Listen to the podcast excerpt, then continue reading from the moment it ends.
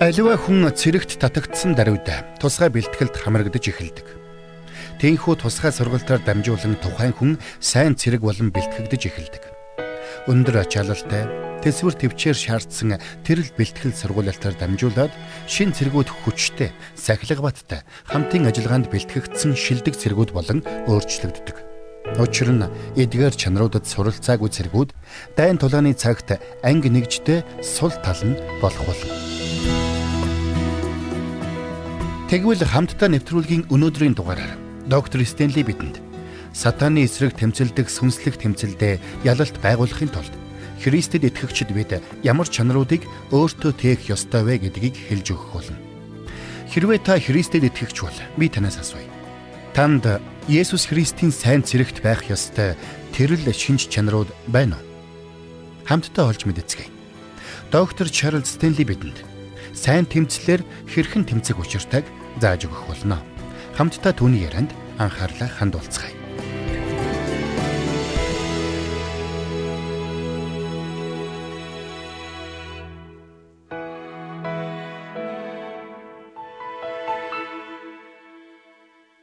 Цэрэг аримд маш олон янзын цэргүүд байдаг.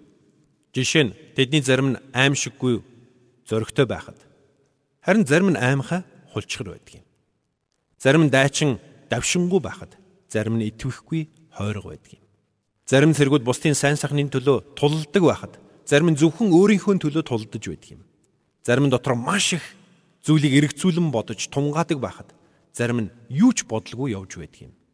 Гэхдээ ямар ч цэрэг байсан цэрэг бол цэрэг. Тэр цэрэгт татагдсан бол үүргээ гүйцэтгэх л ёстой. Хэрвээ цэргүүд хүссэн үедээ цэргийн үүргээ орхиж яваад хүссэн үедээ эргээд ирж болдог байсан бол яах вэ? Хэрвээ 7 хоногийн 3 өдөр нь алба хаачхад дараа нь 4 дахь өдрөөс нь амраад явчихдаг байсан бол яах вэ? Ийм айрам оршин тогтнож чадахгүй төрнө.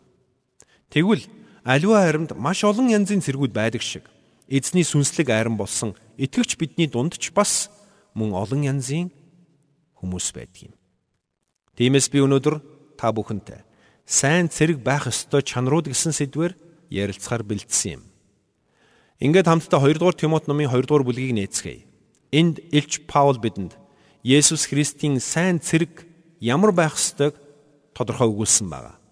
Ингээд 2 дугаар Тимотийн 2 дугаар бүлгийн 1-ээс 13-ыг харъя.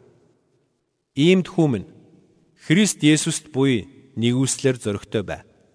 Олон гэрч нарын өмнө надаас сонссон зүйлсийг бусдад заах чадвартай итгэмжт хүмүүст даатга.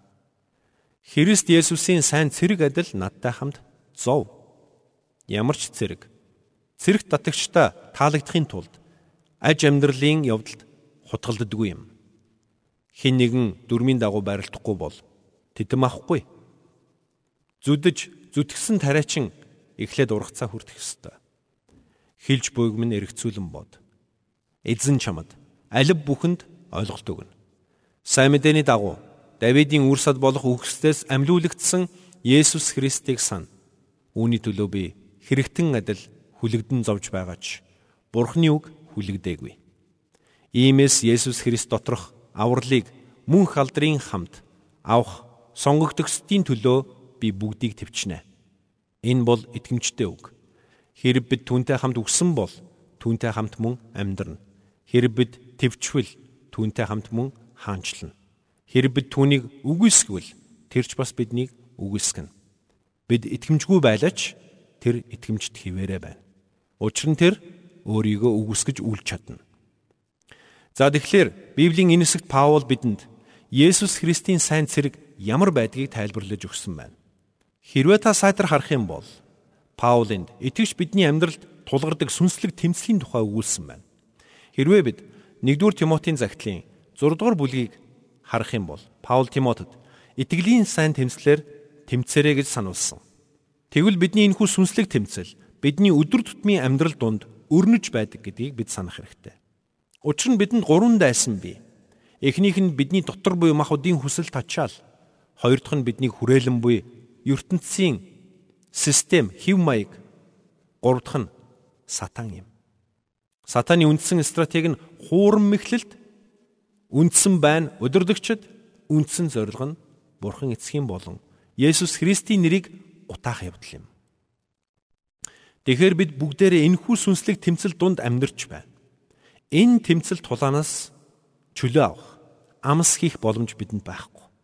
Учир нь сатан хизээж өөрийн ёрын муу сүнснүүдэд хандан энэ хүн ядраад байгаа учраас энэ хүнийг нэг сар 50 орхиё гэж хэлдэггүй юм. Наад хүнээ хэдэн 7 хоног 50 орчих уу? Хэсэг зуурч болов амраад авг гэж хизээж хэлдэггүй юм. Бид өглөөс ирсэн цагаасаа эхлээд бүхэл өдрийн туршид сүнслэг дайралтад өртөж байдаг юм. Гэтэл зарим хүмүүс эргэн тойронд нь сүнслэг тэмцэл өрнөж байгааг ерөөсөө ч мэддэггүй. Зарим хүмүүс сатаны хүлээсэнд хэтэрхий автснаасаа болоод сүнслэг тэмцлийн тэргүүн фронтод тулдж байгаа гэдгээ мэдэх нь битгий хэл. Ер нь сүнслэг тулаан болж байгаа юм уу? Сүнслэг дайн байгаа юм уу гэдгийг ч мэдэхгүй явж байдаг. Харин итгэлийн амьдралаа чухалчилж үздэг итгэгч хүн нэг бүр сүнслэг тэмцлийн талаар ямар нэгэн байдлаар мэдлэгтэй болсон байдаг юм. Тийм учраас Илж Паул Тимотед хандан Христийн сайн цэрэгт байх ёстой чанаруудыг жигсан хэлж өгсөн байна. Тэгвэл хамтдаа Есүс Христийн сайн цэрэгт байх эхний чанарыг үздэцгээе. Ингээд хамтдаа 2 дугаар Тимотийн 2-ын 1-ийг харъя. Иймд хүмүн Христ Есүст буй нэгүслэр зоригтой бай гэж хэлсэн байна. Илч Паул энд хамгийн түрүүнд биднийг зоригтой байх ёстой хэмээн сануулсан юм. Зарим Библиэд энд гарч байгаа зоригтой гэсэн үгийг хүчтэй хэмээн орчуулсан байдаг. Христэд итгэж бидний сүнслэг тэмцэл тасралтгүй үргэлжилж байдаг учраас бид ч бас тасралтгүй хүчтэй, тасралтгүй зоригтой байх ёстой юм. Учир нь бидэнд итгэлийн амьдралаас чөлөө авах боломж байхгүй. Өнөөдөр та бидний амьдралд юу ч тохиолдож байлаа гэсэн эзэн бидэнтэй хамт байж өөрийн юр бусын хүч чадлаараа биднийг тэтгсээр байдаг. Тиймээс бид эзэн дотор хүчтэй бас зоригтой байж өмнөө тулгарсан саад бэрхшээлүүдийг амжилттайгаар даван туулж чаддаг юм. Тиймээс илч Паул биднийг юуны түрэнд зоригтой хүчтэй байхыг сануулсан. Филиппо номын 4:13-ыг харах юм бол Паул намайг хүчрхжүүлэгч түүгээр би бүгдийг хийж чадна хэмээн тунхагласан ч мөн үүнтэй холбоотой юм. Илч Паул энд биднийг яг хэн хүчрхжүүлдэг гэсэн байна вэ? Биднийг хүчрхжүүлэгч нь бидний итгэдэг эзэн бурхан билээ. Тиймээс бидэнд бурханаас бидний хүлээн авдаг энэ хүч чадал, эр зориг нь угтаа бол Бурхны нэгүслээс ихтэй юм. Тийм ч учраас Илч Паул Тимотед хандан бичгтээ иймд хүмүн Христ Есүст буй нэгүслэр зөрөгтэй байгаарай гэсэн. Тиймээс би танд нэгэн чухал зүйлийг хэлж өгье. Христэс ангид сүнслэг хүч чадал гэж үгүй.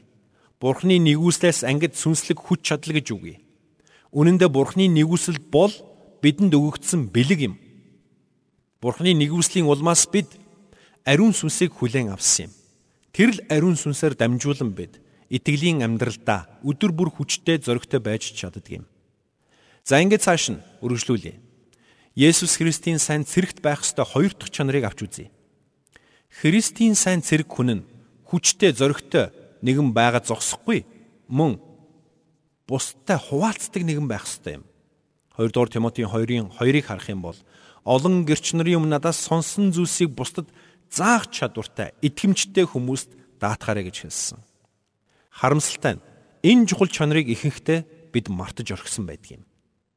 Учир нь сайн цэрэг хүн гэдэг бол мөр зэрэгцэн тулдж ява анд нөхрөөсөө хэрэгцээтэй байгаа зүйлсийг нь харамлдаггүй юм. Жишээ нь хажууд нь байгаа цэргийн суман дуусвал түн сумнаасаа хуваалцах ёстой. Хэрвээ түнд хоол хэрэгтэй байгаа бол хоолноосоо хуваалцна. Ус хэрэгтэй байгаа бол уснасаа хуваалцна. Хэрвээ шархтсан бол шархыг нь боож өгнө. Сайн цэрэг хажуудаа байгаа анд нөхрөөсөө хэрэгцээтэй зүйлсийг нь харамлдаггүй юм. Тийм ч учраас Илж Паул Тимотед хандан хэлэхдээ олон гэрч нарын өмнө надаас сонссон зүйлсийг бусдад заах чадвартай итгэмжт хүмүүст даатгаарэ гэж загсан юм. Одоо миний хэлэх үгийг та анхааралтай сонсоорой. Та Бурханаас хүлээн авсан үннээ бусадтай хуваалцахгүй байвал Бурхны хүслийн дагуу амьдрч чадахгүй гэсэн үг юм шүү. Учир нь бидэнд өгөгдсөн бүхэн бусадтай хуваалцахын тулд өгөгдсөн юм шүү. Сайн цэрэг хизээч мүр зэрэгцэн тэмцэж байгаа ах дүүсээс хэрэгтэй зүйлийг нь харамлдаггүй юм. Бид Бурханаас хүлээн авсан үннийг итгэлээр хүлээн авч амьдралдаа хэрэгжүүлэх ёстойгоос гадна үүнийгээ бусдад заавал хуваалцах ёстой юм. Харин бид өөрт байгаагаа бусадтай хуваалцахаас цааргалах юм бол энэ нь бид амин хуваа хичээж байна гэсэн үг юм шүү. Энэ нь мунхаг хэрэг бөгөөд ингэснээрээ бид нүгэл үлдэж байна гэсэн үг юм шүү. Бидний дотор буй энэ л амин хуваа хичээсэн хандлагыг таягдан хайхыг Бурхан хүсэж байдаг. Бид бүгд цуглаандаа явж номлол сонсох бүртээ ямар нэгэн зүйлийг өөртөө ойлгож авч байдаг юм. Бид тэр бүхнийг итгэлээр хүлээн авч амьдралдаа хэрэгжүүлэхээс гадна заавал бусадтай хуваалцах ёстой юм. Жишээ нь эмээ өвөө нарл гэхэд ойлгож ухаарсан бүхнээ аж зээ нартаа зааж сурахыг эрмэлзэх ёстой. Эцэг эхчүүд ч гэсэн хүүхдүүдээ бурхантай холбож өгөхийн тулд чадав бүхнээ хийх ёстой. Тийм ч учраас Илч Паул хэлэхдээ олон гэрч нарын өмнө надаас сонсон зүйлсийг бусдад заах чадвартай итгэмжт хүмүүст даатах хэмээн загсан юм. За тэгэхээр Есүс Христийн сайн цэрэг нь нэгдүгээрт зөрөгтэй хүчтэй байх ёстой. Мөн хоёрдугаарт хуваалцагч байх ёстой байх нь. За тэгвэл цаашил бол Есүс Христийн сайн цэрэг зовлон эдлэгтэй бэлэн байх ёстой. Хамтдаа 2 дугаар Тимотийн 2-ын 3-ыг харъя. Паул юу гэж хэлснийг хамтдаа уншицгаая. Есүс Христийн цэрэг адил надтай хамт зов. Хэрвээ та санаж байгаа бол 2 дугаар Тимот цагтлын бүлэг тус бүрт Паул зовлон бэрхшээлийн талаар өгүүлсэн байдаг юм. Учир нь эзний цэрэг болсон итгэгчид бид зовлон бэрхшээлтэй нүүр тулах ёстой гэдгийг Паул маш сайн мэдэж байсан. Тиймээс ч Паул бидэнд сайн цэргийн ёсоор эзэн дотор зоригтой хүчтэй бай. Дайсан та нар руу довтлох үед зоригтой хүчтэй бай. Хүмүүс та нарыг шүмжлэх үед, гүтгэж буруутгах үед зоригтой хүчтэй бай хэмээн сануулж байна. Учир нь зовлон бэрхшээл гэдэг бол итгэлийн амьдралын салшгүй нэг хэсэг юм. Энэ бол Есүсийн төлөөх амьдралын салшгүй нэг хэсэг юм. Энэ бол Есүс Христэд дуулууртай амьдрахыг хичээдэг хүн бүрийн дайрч гарах ёстой даваанууд юм. Тиймээс Паул хамгийн түрүүнд итгэждэг зоригтой хүчтэй байхыг сануулсан. Үүний дараа итгэждэг бусдтайгаа хуваалцдаг өгөөмөр зүрхтэй байхыг сануулж өгсөн. Мөн 3 дугаарт нь сайн мэдээний төлөө зовлон идэлхтэй бэлэн байхыг сануулсан юм аа. За ингээд цааш нь харъя. Дөрөвдүгээрт нь ямар чанарыг өгүүлсэн бэ? Энэ бол Есүс Христийн төлөөх нэгэн үзүрт сэтгэлийн талаар өгүүлсэн юм. Хоёрдугаар бүлгийнхээ дөрөвдүгээр ишлэгийг хараарай. Ямар ч цэрэг цэрэгт татагчдаа таалагдахын тулд аж амьдралын явдалд хутгалддаггүй гэсэн байна. Энэ үгээр ээлж Паул Тимотед яг юуг ойлгуулахыг хүссэн юм бэ? Тэрээр Тимотед хандан хэлэхдээ сайн цэрэг хүн өдөр тутмын аж амьдралын явдалд хутгалддаггүй маа гэж хэлсэн байна. Энэ яг юу гэсэн утгатай болохыг хэлэхээс өмнө би эхлээд энэ нь юу гэсэн үг биш болохыг нь хэлж өгье. Энэ нь бид ажил хөдөлмөр эрхэлж аж амьдралаа өөдөн татаж болохгүй гэж хэлсэн үг биш юм. Энэ нь Есүс Христийн сайн цэрэг байхын тулд таныг жагсаалаасаа гарах ёстой гэсэн үг биш юм. Энэ нь таныг ажил хөдөлмөр эрхлэж гэр бүлээ тижээж авч явж болохгүй гэсэн үг биш юм. Харин энэ нь бид ажиллаж хөдөлмөрлөж байхтаж гэр бүлээ тижээж байхтаж бүхнийг Христийн алдрын төлөө хийнэ гэсэн үг юм. Ирэх мэдэл, эд хөрөнгө, алдар нэрийн төлөө биш харин Есүс Христийг гэрчлэхийн төлөө амьдрна гэсэн үг юм. Ирэх мэдэл, эд хөрөнгө, алдар нэрийн аль нь ч бидний амьдралыг захирах ёсгүй юм. Харин зөвхөн Есүс Христ л бидний амьдралын эзэн байх ёстой гэдгийг хэлсэн үг юм. Үнэн дээр бидний амьдралд Есүс Христтэй харилцах харилцаанаас илүү эрхэм зүйл гэж байх ёсгүй юм. Миний хувьд ч адилхан. Номлол хийх нь миний амьдрал биш. Харин Есүс Христ миний амьдрал юм. Чуулган миний амьдрал биш. Есүс миний амьдрал юм. Ажил мэрэгжилч миний амьдрал биш. Есүс Христ миний амьдрал юм. Тиймээс ч Илч Паул бидэнд сануулan хэлэхдээ Есүс Христийн сайн цэрэг болохынхон хувьд та нар амьдралын аар саар зүйлтэй хутгалдаж болохгүй хэмээн сануулсан юм. Бидний амьдралд байгаа бүхэн бидний амьдралд чухал хэрэгцээтэй зүйлс мөн боловч хамгийн чухал зүйл биш гэдгийг бид үргэлж санаж амьдрах ёстой. 5 дугаарт Есүс Христийн сайн цэрэг байх ёстой өөр нэгэн чухал чанар бол биеэ хэн захирах чадвар юм. Хүмүүс бид тэр бүр сахилга баттай байж чаддаггүй. Жишээ нь та өдөр бүр хийх ёстой зүйлсээ цаг нартай нь жигсааж бичээд тэр бүгдийг ягштал нь хэрэгжүүлж чаддаггүй. Ихэнх тохиолдолд бид хийх ёстой зүйлээ хийх ёстой цагт нь хийж чаддаггүй юм. Бид нэг бол чухал ажлаа хоош тавьдаг, эсвэл дураа хүрсэн үедээ хийгээд дургүйгээ хүрхэр болчихдог. Хэрвээ ийм байдалтай байх юм бол бид хол явж чадахгүй. Гэтэл бид өдөр тутмын амьдралдаа сахилга батгүй байгаа зогсохгүй сүнслэг талбар дээрээ ч сахилга баттай байж чаддаггүй юм. Учир нь ихэнх хүмүүс Библийг уншмаар санагдсан үедээ л Библийг уншдаг. Тэд залбирмаар санагдсан үедээ л залбирдаг. Бас цуглаанд явчихмаар санагдсан үедээ л явдаг юм. Гэтэл итгэгч хүн нэг бүр Бурхны өмнө дуулууртаагаар амьдрахын тулд сахилга баттай байх нь амин чухал юм.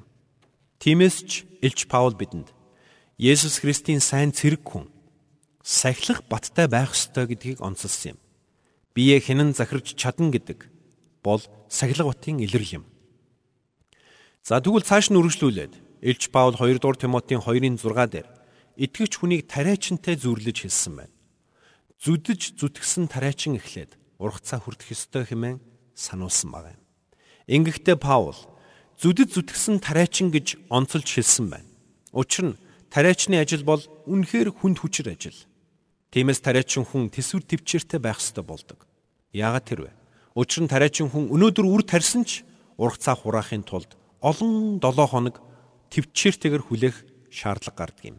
Хэдийгээр үр тариа хэрхэн боловсрч байгааг тэр бүр нүдэрэ харж чадахгүй байсан ч цаг нь нэрэхэд үр тариа боловсрох болно гэсэн итгэлтэйгээр тэд төвчээртэйгэр хүлээдэг юм. Мөн үргэлжлүүлээд харах юм бол 7 дугаар ишлэл дээр Паул хэлэхдээ хилж буйгмэн эргцүүлэн бод. Эзэн чамд алив бүхэнд ойлголт өгнө гэсэн байна. Паулинд түр пауз аваад Тимото чи миний хэлснийг нухацтайгаар эргцүүлэн бодоод үзээрэй гэж сануулсан байна. Үүний дараа Паул Тимотиг урам зоригтой байхыг уриалан дуудсан юм. 2 дугаар Тимотийн 2-ын 8-ыг харах юм бол сайн мэдээний дагуу Давидын үр сад болох үхэгсдээс амьлуулагдсан Есүс Христийг санаарай гэсэн. Паулинд Тимотед хандан Христийн сайн цэрэг ёсоор дээрх чанаруудыг мөшгөхдөө Есүс Христийг санан урам зоригтой байхыг сануулсан байна. Паул Тимотед юуг сануулсан бэ? Чиний төлөө загалмаад хадагдаад үхлээс амилсан Есүс Христ чамтай хамт байгааг санаарай гэж хэлсэн юм. Өчигдөр чи хаач байлаа гэсэн Бурхны чамтай хамт байна гэж амласныг санаарай. Амлсан Христ чамтай хамт байгааг санаарай гэж Паул Тимотиг урамшуулсан юм. Паулинд олон зүйлийг тоочоогүй. Зүгээр л үхлээс амьсан Есүс Христийг санаарай гэж хэлсэн. Энэ нь Есүс Христ та бидэнтэй одоо ч хамт байгаа гэсэн үг юм гэдгийг дурдсан байна. Ингээд цаашаа 9 дэх эшлэгийг харъя. 9 дээр ийхүү өгүүлсэн байна. Үүний төлөө би хэрэгтэн адил хүлэгдэж зовж байгаач Бурхны үг хүлэгдээгүй гэсэн байна. Паулын сайн мэдээний төлөө хэрхэн зовж байгаагаа дүрслэн өгүүлсэн байна. Мэдээж Паул гемт хэрэгтэн байгаагүй. Гэсэн ч түүнийг Ромын захирагчид гемт хэрэгтэн мэт үзэж байсан юм. Тиймээс ч Паул өөрийгөө шоронд гемт хэрэгтэн мэт зовж байна хэмээн хэлсэн. Гэхдээ тэрээр үргэлжлүүлээд би золиос гарахтаа бэлэн байна. Би сайн мэдээний төлөө төлөх ёстой төлөөсийг төлөхөд бэлэн байна гэж хэлсэн юм. Тэгвэл би танаас асууя. Есүс Христийг таньж мдээгүй хүмүүст Есүс Христийг таниулж тэднийг аврахын тулд та ямар золиос гаргаж чадах вэ? Есүс Христийн таны төлөө хийсэн бүхнийг бусдад хуваалцахын тулд та мөнгө санхүүгээ золиослж чадах уу? Найз нөхдөө Христийн аврал руу хөтлөхийн тулд та ямар нэгэн найзуудынхаа өмнө эвгүй байдалд орж зарим нэг найзуудтайгаа тангараг тасарч чадах уу? Сайн мэдээ огт сонсож байгаагүй хүмүүст хүрэхийн тулд тав тухтай амьдралаасаа татгалзаж чадах уу? Үнэн дээр бид золиос гарах талаар тийм ч их зүйлийг мэдэхгүй. Өөрсдийгөө үгүйсгэхэд төдийлөн суралцаагүй байдаг. Гэхдээ бид чадлынхаа хэрээр зориулалт гаргаж, чадлынхаа хэрээр золиос гаргаж, чадлынхаа хэрээр өөрсдийгөө бусдад зориулах үед юу болдог гэж Бурхан тэр зүйлээр дамжуулан гайхамшигтай ажлуудаа хийдэг юм. Харамсалтай нь энэ зарчмыг мэдгүй хүмүүс маш олон байдаг. Хүмүүс ихэвчлэн золиос гарах гэдэг ойлголтыг мөнгө санхүүтэй л холбож ойлгоод байдаг. Гэтэл үнэндээ энэ нь мөнгө санхүүтэй огтхонч холбоотой зүйл биш юм.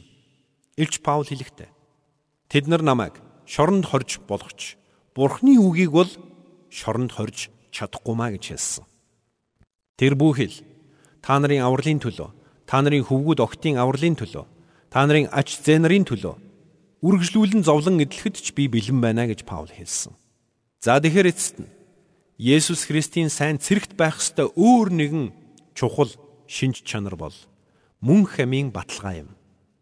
Христийн сайн цэрэг мөнхийн амийг хүлээн авсан гэдэгтээ эргэлзэлгүй бат итгэдэг байх ёстой. 2 дугаар Тимотийн 2-ын 11-ийг харах юм бол энэ бол итгэмжт үг. Хэрэг бид түүнтэй хамт үгсэн бол түүнтэй хамт мөн амьдрнаа гэсэн байна. Энэ нь юу гэсэн үг вэ? Хэрэг бид түүнтэй хамт үгсэн бол түүнтэй хамт мөн амьдрна. Паул энэ үгээр ямар санааг илэрхийлэхийг хүссэн юм бэ? Та бид Есүс Христэд итгэж түүнийг аврагчаа болгон хүлээн авах үед Бурхан биднийг түүний үхэл болон амьлалтай холбосон байдаг юм. Бидний Христэд итгэх үед бидний хуучин амьдралын хэв маяг Христтэй хамт үхэж бид амьлсан. Христтэй хамт цоошин амьдралаар амьдрах болсон юм. Тийм учраас Библи биднийг шин бүтээлүүд хэмээн тодорхойлсон байдаг. Тиймээс ч Илч Паулинд та нар Христэд итгэх үедээ түүнтэй хамт цовдлогдож, түүнтэй хамт оршуулгадаад, түүнтэй хамт амьлуулагдсан юм шүү хэмээн сануулсан юм. Есүс Христ бидний өмнөс шитгэлийг хүлээн биднийг орлсон шиг бид ч бас түүнтэй адил болгогдож, түүнтэй хамт амьлсан юм. Тиймээс ч та бидэнд түүнтэй хамт мөнхийн мөнхөд амьдрах итгэл найдвар бүрэн баталгаа бий юм. Ингээд цаашаа 2 дугаар Тимотийн 2 дугаар бүлгийн 12 дээр Паул юу гэж өгүүлснийг харцгаая. Хэрвээ бид төвчвөл түүнтэй хамт мөн хаанчлан хэрэг бид түүнийг үгүйсгвэл тэр ч бас биднийг үгүйсгэнэ. Та харж байна уу? Бид Христтэй хамт хаанчлан гэдэг нь бидний амьдралд хүнд хэцүү асуудал тулгархгүй гэсэн үг биш ээ. Бидэнд зовлон бэрхшээл тулгарх нь гарцаагүй. Харин Паулч энд хэлэхдээ хэрэг бид төвчвөл түүнтэй хамт мөн хаанчлах болно гэсэн байна. Гэхдээ үүгээр зогсохгүй өөр нэгэн гайхамшигтай үгийг дараагийн ишлэлтэнд өртсөн. 2 дугаар Тимотийн 2-ын 13-ыг харах юм бол бид итгэмжгүй байлаач тэр итгэмжтэй хിവэрэ байна. Учир нь тэр өөрийгөө үгүйсгэж үл чадах юмаа гэж хэлсэн байна. Бидний амьдралд нүүрлсэн зовлон бэрхшээл дунд бид заримдаа алдаа гарах болно. Бид заримдаа бүдрэх болно. Бид заримдаа зүрх алдаж, заримдаа итгэлгүй байдалд орох болно. Заримдаа бид урам хугарч болж бүтэж байгаа зүйл ганц жалга хэмээн дуу алдах үе ирэх болно. Гэсэн ч бидний бурхан итгэмжтэй хിവэрэ байх болно. Учир нь бурхан өөрийгөө үгүйсгэж чадахгүй маа гэж Паул хэлсэн байна. Өөрөөр хэлбэл бид түүнд итгэмжгүй байсан ч бурхны итгэмжтэй байдал хувиршгүй юм а гэдгийг хэлсэн байна. Тэр бидэнд өгсөн амлалт нэг бүрээ итгэмжтэйгээр биелүүлэх болно гэсэн үг. Гэхдээ бид нэг зүйлийг ойлгох хэрэгтэй.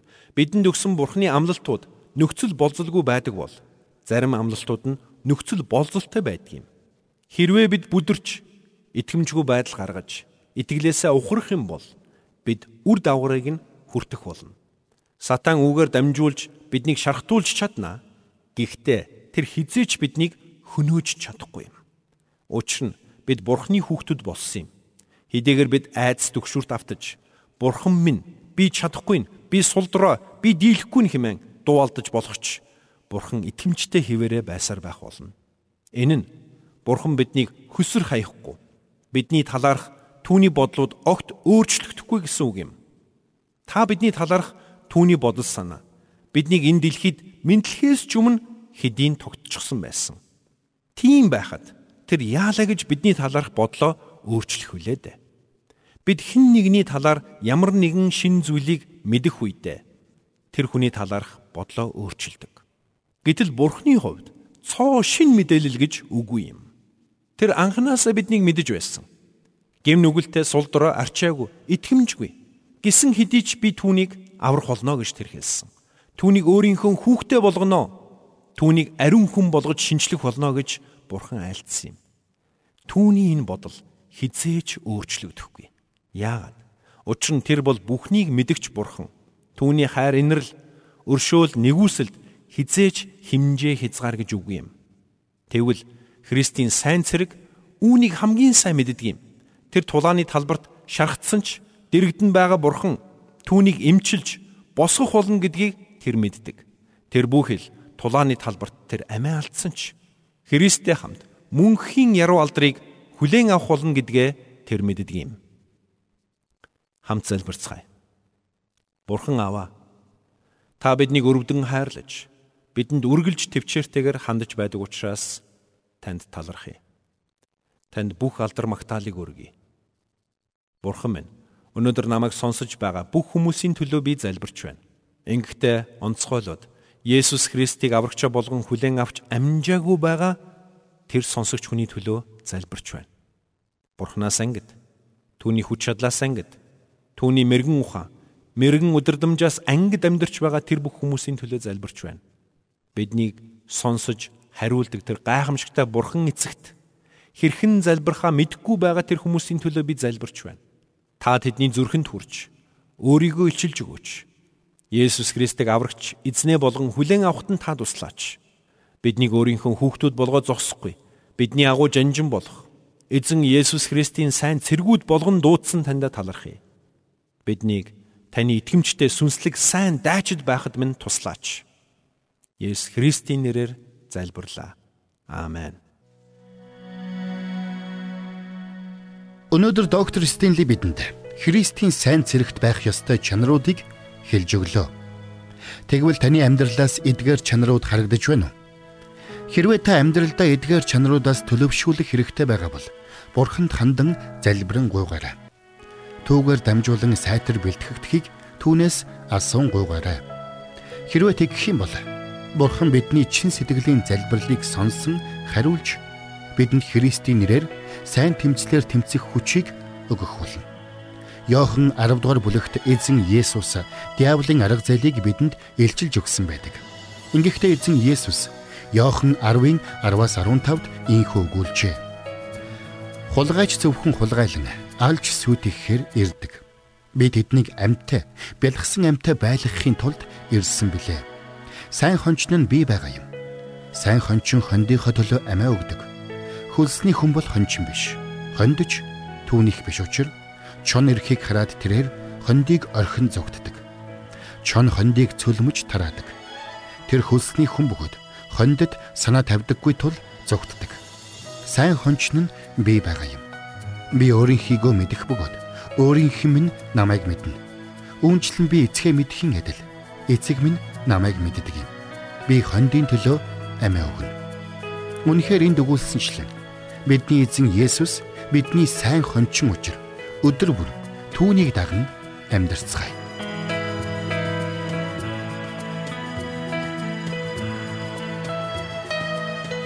Бурханд тэмүүлсэн сэтгэл хүмүүсийг энэрх зөрхөөр амьдрахад туслах номлогч доктор Чарлз Стенлигийн хамттай нэвтрүүлэг сонсогч танд хүрлээ. Нэвтрүүлгийг дахин сонсохыг хүсвэл ихтгэл радиоцик.com-оор зочлоорой.